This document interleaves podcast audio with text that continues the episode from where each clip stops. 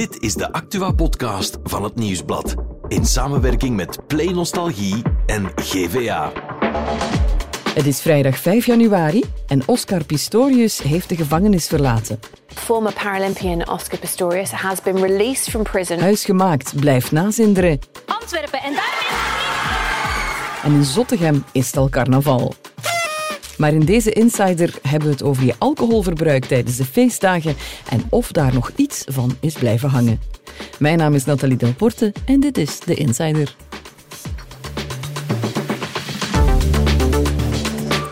De eerste vrijdag van het nieuwe jaar. De ene nieuwjaarsreceptie na de ander. Maar misschien ben jij een van die vele mensen die vijf dagen geleden een goed voornemen heeft uitgesproken. De twee populairste zijn altijd dezelfde. Hè? Meer sporten en minder of geen alcohol meer drinken. De sportclubs die lopen vol, maar even snel weer leeg. Want dat goede voornemen, dat zijn we heel snel vergeten. Vandaag wil het vooral over die alcohol hebben. Nieuwsbladjournalist Frank Poze is erbij komen zitten. Opvallend met een glas water. Dag. Dag Nathalie. Een journalist heeft de reputatie best wel wat te kunnen verzetten op het vlak van alcohol. Heb je goed gefeest? Ik kan dat niet ontkennen. Ja, maar je weet het wel nog allemaal. De grote lijnen kan ik mij nog zeer goed herinneren. Ja, ja, ja. En je zit hier niet zomaar, want net voor de feesten had je een gesprek met verslavingsexpert Geert Dom.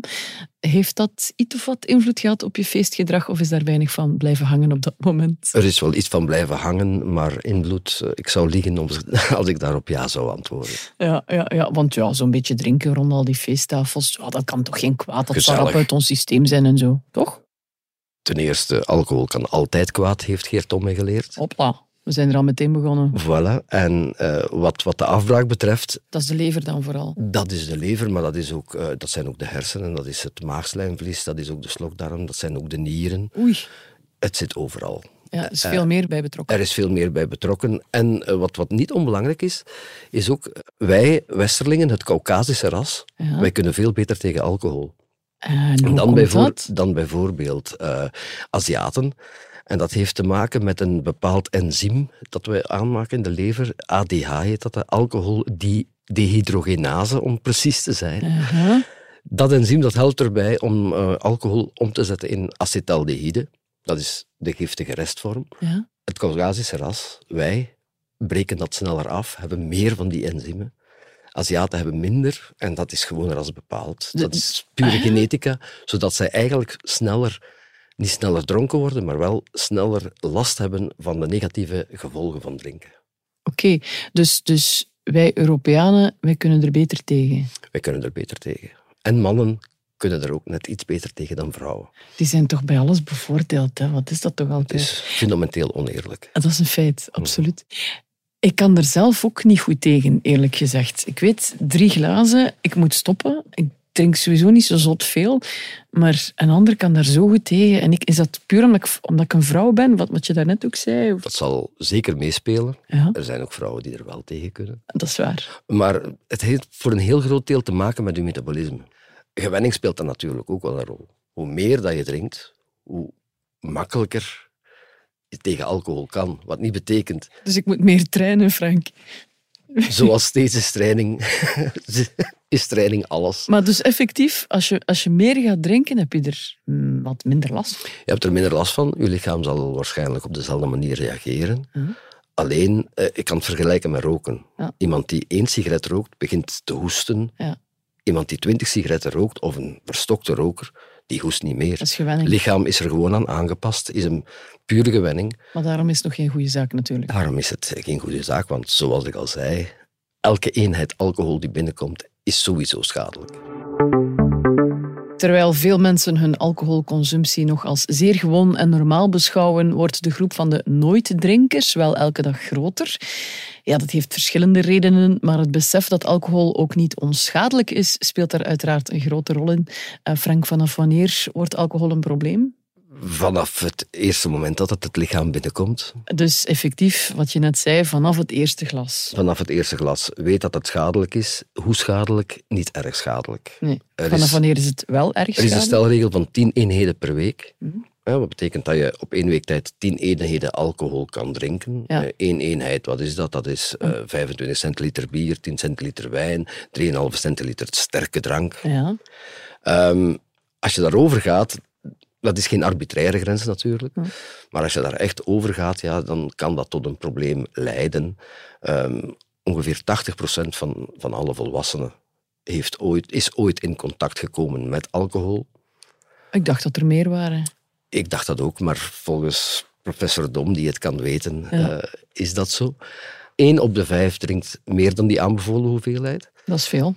En 4% heeft echt een probleem. We hebben de podcast Gezond Verstand gemaakt en daar hoorden we het echt bij elke professor. Alcohol is een aanslag op je lijf. Ja. Ehm, het is sowieso een aanslag eh, van, vanaf het eerste glas. Ja. En niet alleen voor de korte termijn, hm, de kater, noem maar op, Ja. maar ook op de lange termijn. Weet dat eh, 5% van alle kankers Mhm. rechtstreeks gelieerd zijn aan alcohol.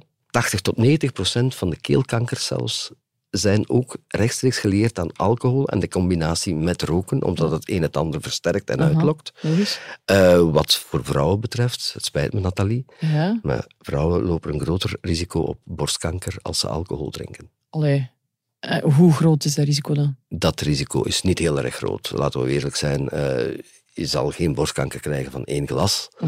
Maar uit groepstudies is wel degelijk gebleken dat er een kleine invloed is. Ja. En invloed die er dan wel is. Ja, wat, wat moet, ik, moet ik nu helemaal stoppen met die drie glazen? Helemaal gedaan? Helemaal stoppen, dat mag, maar ik zou dat niet doen. Ehm, besef goed dat elk glas, elke molecule alcohol die je lichaam binnenkomt, dat die sowieso schadelijk is. Ja. Maar besef even goed dat de korte termijn, eh, dat die tien eenheden- eenheden die worden aanbevolen, als je daarboven gaat, Mhm. dat de risico's exponentieel stijgen, maar tegelijk het goede nieuws, Mhm. dat ze ook exponentieel dalen. Bijvoorbeeld, iemand die gemiddeld 30 eenheden per week drinkt, Ja. dat is een forse drinker, Dat is veel. als die al kan teruggaan naar 20 eenheden, dan is de gezondheidswinst veel groter en exponentieel groter dan iemand die bijvoorbeeld van 15 naar 10 gaat Ja. en dan op de grens komt. Oké. Ja, dus het is niet dat je per se helemaal moet stoppen. Elk glas minder Elk geeft glas minder winst. is winst. Nu, in the end, het ligt allemaal niet aan ons, Frank. Want blijkbaar is alcohol iets van alle tijden, waarmee ik bedoel, zelfs al 10.000 jaar geleden speelde het een rol. Alcohol en de mensheid zijn onlosmakelijk met elkaar verbonden. Aha. Het heeft ook heel veel mee te maken dat alcohol een wonderbaarlijk natuurproduct is, dat vrij verkrijgbaar is in de natuur. Laat fruit iets te lang aan een boom hangen en alcohol begint zich te vormen door de gisting. 10.000 jaar geleden, daar is wetenschappelijke evidentie van, was er het brood, werd het graan vermalen, maar tegelijk, misschien Werd het ontdekt? iets eerder, inderdaad, Ja. begon het graan te ferme- fermenteren, viel er regen op, weet ik veel. Ja. Iemand ging daaraan slurpen en vond dat bijzonder lekker. ja, dat geloof ik. Ja, het, het is ook niet per se altijd slecht, hè? Eh, nee, nee. eh, het aantal koppels bijvoorbeeld dat gevormd is tussen pot en pint, zijn niet te tellen. We zijn wat losser in de omgang. We zijn wat liever voor elkaar misschien. Iemand met een kwaaie dronk zal dat tegenspreken. Maar laten we zeggen dat het een glijmiddel is voor de sociale contacten. Ah, we hebben al een titel voor deze podcast. Dank je wel daarvoor. Ja, zolang je ook maar nog weet wie er naast je ligt als je wakker wordt de dag nadien. Dat is ook iets heel speciaals. Ja. Eh, professor Dom zei me, iedereen kent wel in zijn omgeving iemand die op 17, 18 pinten kon binnenkappen Mhm. en blijven drinken zonder daar last van te krijgen. Hij zegt, gegarandeerd, die mensen Mhm.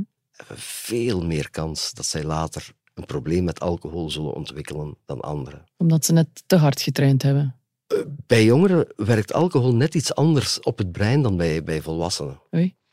Als jij en ik iets drinken, zullen wij ons licht in ons hoofd beginnen voelen. Mhm. Zullen wij misschien last hebben om een rechte lijn nog te kunnen volgen op de grond. of de stoel op de juiste plaats zetten en ons er net, niet- net Ernaast niet op zetten. Inderdaad. Ja. Jongeren hebben er veel minder last van. eh, omdat alcohol eh, op die kleine hersenen inwerkt waar ook eh, het mobiele systeem zit. En bij hen is dat nog niet het geval. Dus dat is nog in ontwikkeling. Mhm. Maar het gaat dat wel inwerken op bijvoorbeeld hun hu- geheugensysteem. Zodat je dan komt aan de grap Van, ik werd wakker, ik was 18. Ik keek naast mij en zegt, wie is die dame? dat is typisch voor jongeren. Iemand die ouder is dan 30 jaar zal dat wellicht niet meer meemaken. Nee, alleen vooruit. En er is ook nog zoiets, um, had ik nog nooit van gehoord, de alcoholparadox. De alcoholparadox, inderdaad. Misschien ook nog niet slecht is om te weten, is dat de genetica sowieso 50% de helft hm. hè, een rol speelt in hoe goed iemand tegen alcohol kan. Ja. Dat is om te beginnen. Maar ook hoe vroeg dat je bent begonnen met drinken speelt, uh, speelt een rol. En uw levensomstandigheden. Ja. En dan kom, ik bij, dan kom ik bij die alcoholparadox jongeren die zijn opgegroeid in problemen, uh, verwaarlozing, misbruik, noem maar op. Dat speelt rechtstreeks in op uw stressregulatiesysteem. Ja. Dat systeem dat dan nog in volle ontwikkeling is. En dus nooit tot volle ontwikkeling zal komen, waardoor dat op latere leeftijd zij veel gevoeliger worden voor de negatieve gevolgen van alcohol. Iemand die opgroeit in gewone omstandigheden, en die zijn stressregulatiesysteem dus gewoon ontwikkelt, die zal dus beter kunnen tegen die negatieve gevolgen, mhm. waardoor dat je eigenlijk die paradox krijgt van iemand die minder drinkt, toch meer problemen heeft, omdat hij net in die lage sociale klasse zit. Dat is dubbele miserie dan. Dat is dubbele miserie. Dat is heftig, maar wel heel interessant om te weten, uiteraard. Um, ik ga graag nog even terug naar het begin van deze podcast. Het voornemen om even te stoppen, volledig met alcohol. Ik ben dat eigenlijk zelf ook wel aan het overwegen. Maar ja, heeft het zin, een maandje stoppen? Wat denk je, Frank? Het heeft altijd zin. Ja? Wat was zo de conclusie van professor Dom? Eh, volgens professor Dom heeft dat alles te maken met risicoafweging. Hij Mhm. gaf het voorbeeld, hij woont zelf in de buurt van de Antwerpse ring. En zegt, vind ik het risico om dat fijn stof in mijn longen te hebben groter dan daar te wonen, dan moet ik verhuizen. Mhm. Hetzelfde geldt voor alcohol. Vind ik het risico om die gevaarlijke moleculen in mijn lijf te krijgen, met daarbij de bijwerkingen dat ik socialer ben, dat het allemaal wat gezelliger is, vind ik dat risico te groot, dan drink ik niet meer. Ja. En wat is je eigen conclusie? ik, leef, ik leef liever in een maatschappij waar we af en toe een glas drinken hè, en wat joliger met elkaar omgaan, ja. Dan in een maatschappij waar we niet meer drinken en bijzonder zuur zijn. Oké, zullen we dan samen klinken op dit nieuwe jaar? Ching. Yo, Frank Poze, dankjewel. Alsjeblieft. Dan heb ik ook nog het andere nieuws voor je. Elf jaar nadat hij zijn vriendin Riva Steenkamp vermoordde, heeft Oscar Pistorius vanmorgen de gevangenis mogen verlaten.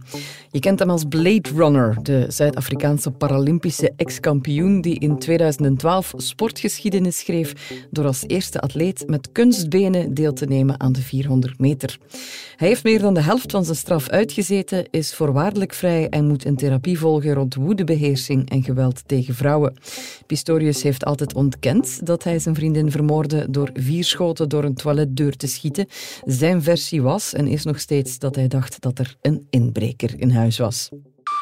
Zelden leven we zo mee met kandidaten van een tv-programma als met de koppels die in Huis Gemaakt zich een klein jaar afbeulden in de hoop hun eigenhandig verbouwd huis te winnen.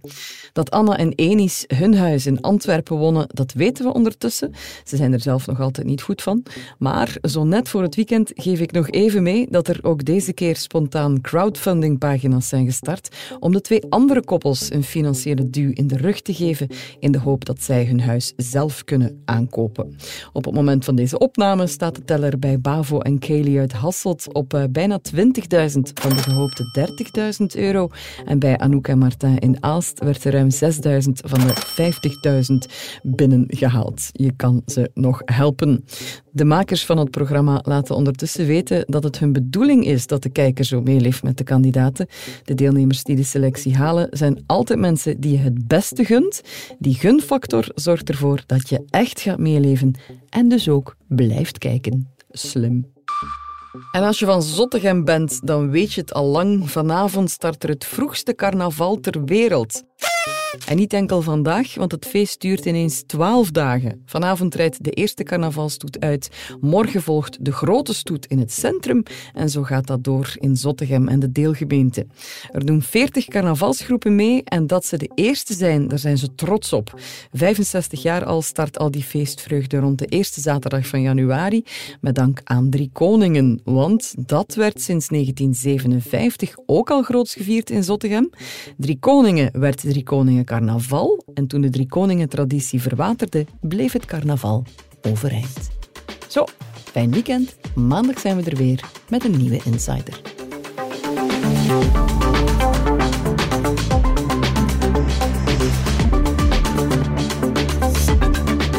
Dit was The Insider, een podcast van het Nieuwsblad in samenwerking met Play Nostalgie en GVA.